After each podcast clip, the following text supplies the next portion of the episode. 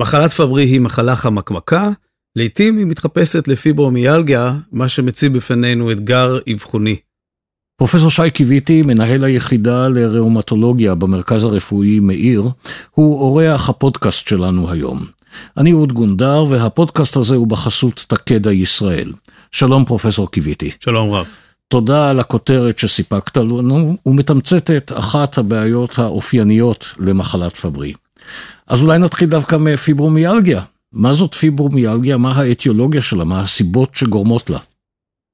כן, אז קודם כל, המשמעות של המילה פיברומיאלגיה, המשמעות המילולית היא כאב ברקמת החיבור ובשרירים, אה, ושמה בעברית הוא דאבת השרירים. אז פיברומיאלגיה היא תסמונת שגורמת לכאבים מפושטים בעצם. אה, ולרוב הם מלווים בעוד תסמינים, מה שאנחנו קוראים להם תסמינים סומטיים, כגון אה, קשיי שינה, עייפות, קשיי ריכוז, מצב רוח ירוד או חרדות. האטיולוגיה, מה שכולם בעצם רוצים לדעת, איננה ידועה. אה, ככל הנראה קשורה לגורמים גנטיים וסביבתיים. מה הטענות שחולים מגיעים איתן? אז חלק מהחולים מתלוננים, ש... בעצם מתארים שהתסמינים התחילו בסמוך לטראומה נפשית או טראומה פיזית, אה, לזיהום, או במקביל להופעת מחלה אחרת, מחלה כרונית כמו דלקת פרקים או שכיחת, שחיקת סחוס. יש גורמי סיכון ידועים, שינויים הורמונליים, גיל, גנטיקה? אה, לא, אין גורמי סיכון, פרט למה שציינתי, כלומר אנשים שחוו איזשהו אה, טראומה או אה, חלק מהדברים שציינתי. אה, מה שכן, נשים אה, לוקות בתסמונת אה, בצורה משמעותית הרבה יותר מגברים.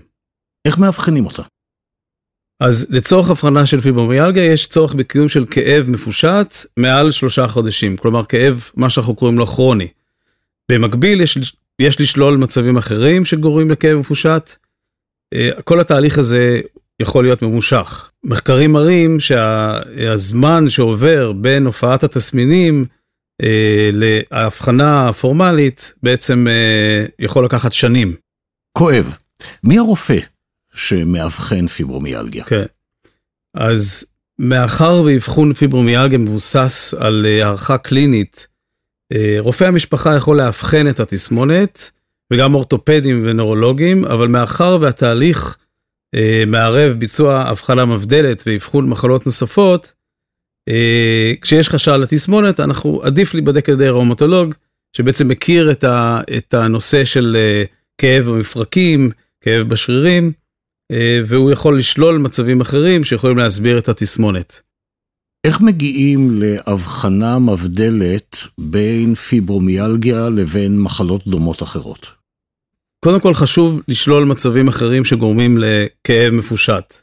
אין שום בדיקה אחת שיכולה לאבחן פיברומיאלגיה, אה, ולכן התהליך אה, אה, הוא כולל הרבה פעמים הפנייה לבדיקות שונות, שמטרתם לשלול מצבים אחרים שגורמים לכאב מפושט, או למצוא מקורות אפשריים אחרים להתפתחות תסמונת כאב, כמו למשל מחלות ראומטיות, אני אציין כמה, למשל דלקת פרקים שגרונית או אדרטרייטיס, אה, דלקת פרקים מקשחת, מה שנקרא ankylosing spondylitis, או דלקת פרקים פסוריאטית.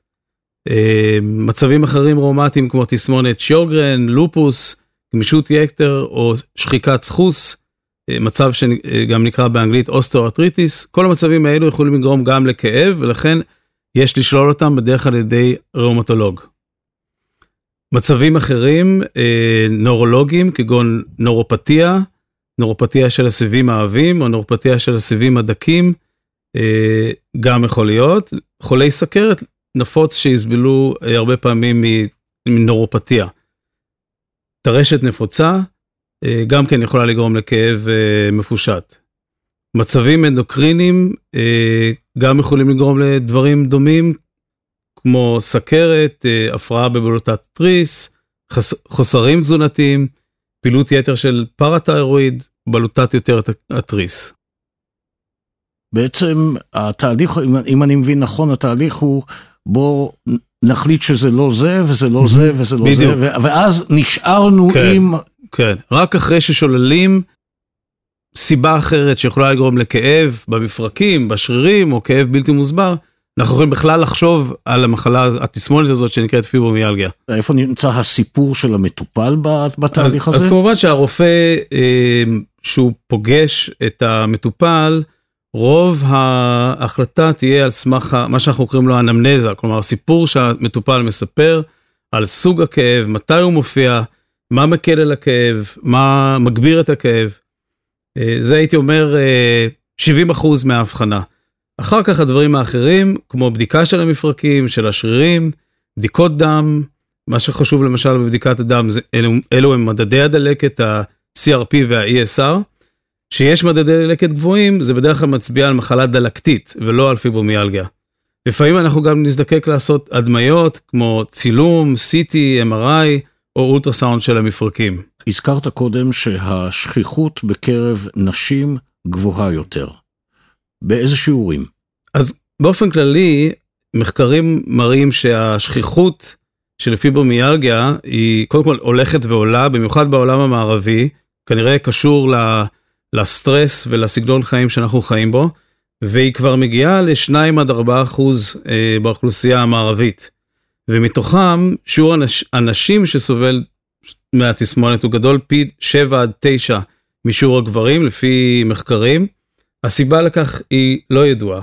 אה, יכול להיות, אה, יכולים להיות סיבות הורמונליות, סף כאב נמוך יותר אצל נשים וגם סיבות גנטיות. מה עוד צריך לדעת זה שהמחלה מאובחנת לרוב בין גיל 20 ל-50, אבל יכולה גם להופיע אצל ילדים או מבוגרים. אחרי שהמחלה אובחנה סוף סוף, האם יש טיפול לפיברומיאלגיה? אז נגעת בנקודה הרגישה, לא ניתן לרפא פיברומיאלגיה, ניתן להקל על התסמינים, לשפר את איכות החיים. אה, יש גישות טיפוליות שונות מאדם לאדם. זאת אומרת, כל אחד צריך למצוא משהו שמתאים לו, יש איזה 10 עד 20 אפשרויות טיפוליות, ואדם שסובל מפיברומיאלגיה צריך לעבור מטיפול אחד לשני עד שהוא מוצא משהו שמתאים לו. אה, בדרך כלל אה, אפילו אפשר לשלב בין שיטות טיפוליות שונות.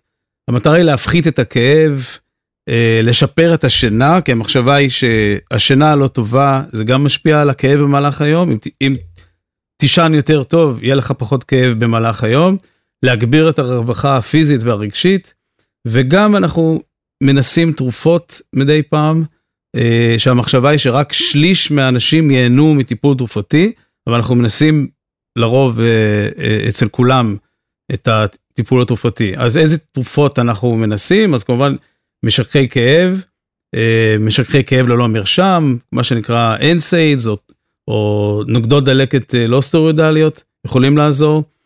תרופ... נמצא שתרופות נגד דיכאון, שוב זה בגלל הקשר הזה גוף נפש בין פיברומיאלגיה ומצב נפשי, אז תרופות נגד דיכאון חלקם יכולות לעזור, במיוחד אלו אה, שנקראות נוגדות דיכאון טריציקליות, או מעכבי ספיגה חוזרת של סרוטונין ונורפינפרין, SSNRI באנגלית. אמ, אז הם יכולים לעזור לשינה, למצב רוח ולכאב, זה הכל מעגל אחד שמשפיע אחד על השני. לפעמים אנחנו גם מנסים תרופות שהן נגד כאב נורופטי, מעכבי גבה, מה שנקרא, אה, והם, אה, כמו שאמרתי, עד שליש מהאנשים נהנים מתרופות כאלו. מה לגבי טיפולים שאינם תרופתיים, רפואה משלימה? אז בהחלט, אה, מכיוון שרק שליש מהמטופלים מגיבים לתרופות, אנחנו מנסים הרבה פעמים תרופות אה, שהן לא תרופות, לא פרמקולוגיות, קודם כל נמצא שפעילות גופנית סדורה, לא משנה איזה, אה, מה שכל אחד מתחבר אליו, אם זה הליכה או שחייה, יכול לסייע בשיפור הסימפטומים. טיפול אה, פסיכולוגי, במיוחד קוגניטיבי התנהגותי, מה שנקרא CBT, Cognitive Based Therapy, יכול מאוד לעזור לאנשים בפיברומיאלגיה, זה מלמד אותם גם מיומנויות של התמודדות וניהול כאב. אה, וגם טיפולים משלימים אחרים כמו עיסוי, דיקור, טיפול, טיפול כירופרקטי, יכול לסייע בהפחתת כאב ושיפור התפקוד. טכניקות של הרפייה, כגון נשימה עמוקה, מיינדפולנס, מדיטציה, יוגה, כל הדברים האלה יכולים לעזור. ואחד הדברים אה, שבכל המחקרים מראים שעוזר מאוד זה הידרותרפיה, שזה בעצם שיטת טיפול של פיזיותרפיה בתוך מים. פרופסור קיוויתי, אחרי שדיברנו על פיברומיאלגיה, אולי נחזור לכותרת שסיפקת לנו קודם. בוא נדבר על המחלה האחרת שלעיתים מתחפשת לפיברומיאלגיה. מה זאת מחלת פברי? למה קשה להבחין בינה לבין פיברומיאלגיה? כן, אז מחלת פברי היא בעצם מחלה גנטית, ברורה. זאת אומרת, בניגוד לפיברומיאלגיה, שאנחנו יודעים שיש נטייה גנטית, אז פה ממש מחלה גנטית ברורה שאפשר למצוא את המוטציה. היא פוגעת בדרך כלל בשיעור של 1 ל-100 אלף גברים ונשים, אה, ומתבטאת בפגיעה במערכות רבות בגוף, ומכאן המורכבות לאבחן אותה.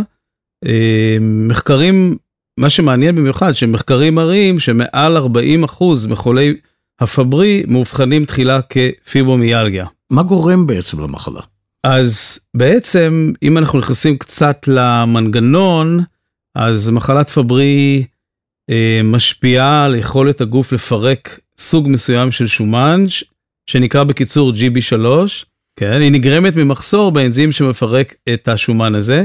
האנזים נחוץ לפירוק GB3 והמחסור שלו עלול לגרום להצטברות של שומנים אה, באזורים שונים בגוף. אז בעצם איפה שהשומן הזה מצטבר, אז יש לנו נזק ותסמינים. למשל, על אילו איברים היא עלולה להשפיע?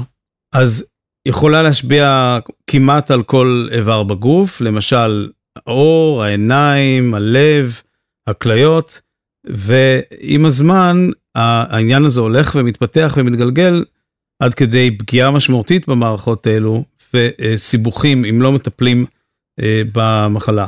מה התסמינים שאתם רואים? אז כמו שאמרתי, בדרך כלל זה, זה, בהרבה מקרים זה יכול להתחיל במצב קל והולך ולהתפתח עם הזמן, אבל התסמינים הנפוצים הם אה, כאבים בידיים וברגליים, ופה בעצם ה, הסיבה שאנחנו לפעמים מתבלבלים מפיברומיאלגיה, אה, שיכול להתבטא גם כצריבה או עקצוץ, אה, וזה קורה בגלל שקיעה של ה-GB3, השומן בקצות, של, בקצות העצבים, שינויים בעור גם יכולים לקרות, כמו כתמים אדומים קטנים, אה, זה נקרא אנגיוקרטומה. אה, היעדר זיעה או הזעת יתר בגלל שקיעה בבלוטות אה, הזעה. יכולה להיות גם מעורבות של האוזניים, ואז החולה בפברי יסבול מטינטון או סחרחורות. בעיות לב יכולים להיות גם, הפרעות קצב, קוצר נשימה, הפרעות במסתמים. שבץ גם יכול להיות ביטוי של פברי. בעיות בכליות כגון אי ספיקת כליות, בעיות במערכת העיכול כגון כאבי בטן, שלשולים, בחילות, בעיניים יכולה להיות גם אה, שקיעה ואז בעצם בבדיקה של העיניים אה, תיווצר עכירות בבדיקה ללא ירידה בריאה, כלומר אדם ירגיש אה, טוב, אם יש חשד לפברי אז אנחנו שולחים גם לבדיקת עיניים ובבדיקה יראו את העכירות גם בלי שמרגישים שום דבר. האם כל החולים חווים את כל התסמינים? אז זה מאוד מגוון, יש כאלו שיסבלו מכל התסמינים, יש כאלה שיסבלו מתסמין אחד ואחר כך לאט לאט מעוד תסמין. אה, אמרנו שפיברומיאלגיה זו מחלה של נשים, כאן יש לנו מחלה גנטית, יותר גברים, יותר נשים. אז בגלל שפברי היא מחלה שקשורה לכרומוזום X, אז הרוב מניחים שהיא פוגעת רק בגברים, אבל זה לא המקרה, והשכיחות בקרב נשים היא מחצית מזו של גברים. כלומר, יש גם נשים עם... עם מחלת פברי ולא מעט. איך מאבחנים את מחלת פברי? אז אה, קודם כל צריך להגיד שאבחון מוקדם הוא יכול למנוע את התסמינים החמורים כגון אה, אי ספיקת לב, פגיעה בכליות, שבץ מוחי. אה, ואיך מאבחנים? אז קודם כל הרופא צריך לחשוד בזה ולשלוח בדיקת דם מיוחדת שמודדת את רמת האנזים, את האלפא גלוקו גלקטוזידז A. שזה האנזים זה... שהמחסור בו בדיוק, גורם למחלה. בדיוק. יש אופציה נוספת אה, ובעצם לשלוח בדיקה גנטית שמחפשת המוטציה אה, בגן GLA שגורם למחלת פברי.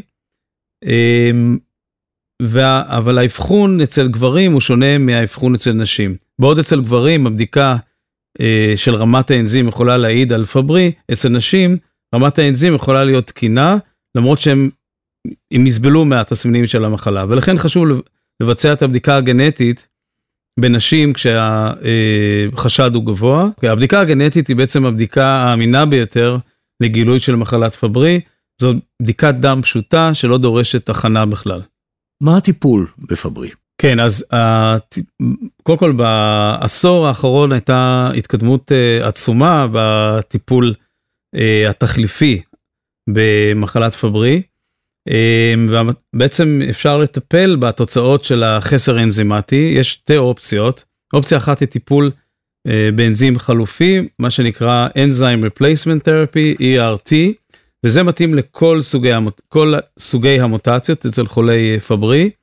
והטיפול השני הוא Enzyme Enhancement Chaperone Therapy, שמתאים רק לחלק מהחולים עם מוטציות מסוימות.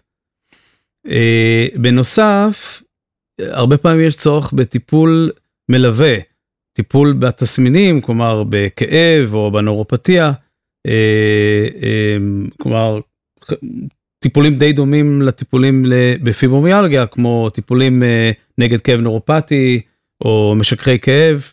אה, לפעמים צריך גם טיפולים קצת יותר מורכבים כמו טיפול תומך כדיאליזה או ניתוח בלב כדי לנהל את הסיבוכים של המחלה. אמרנו שמדובר במחלה גנטית, אה, האם יש בדיקות שעליהן צריך לשלוח את בני המשפחה של החולה?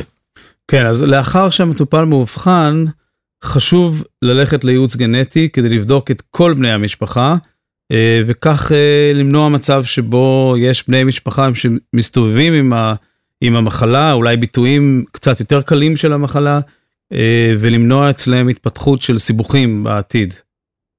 למי לפנות כאשר עולה חשד למחלת פברי? אז אם יש חשד כזה, אז צריך לפנות לרופא שמכיר את המחלה, לא, זאת מחלה בכל זאת נדירה, לא כל הרופאים מכירים את ה... את התסמינים ואיזה בדיקות צריך לעשות. אה, בדרך כלל הרופאים שכן יודעים הם גנטיקאים או מה שנקרא רופא מטאבוליסט.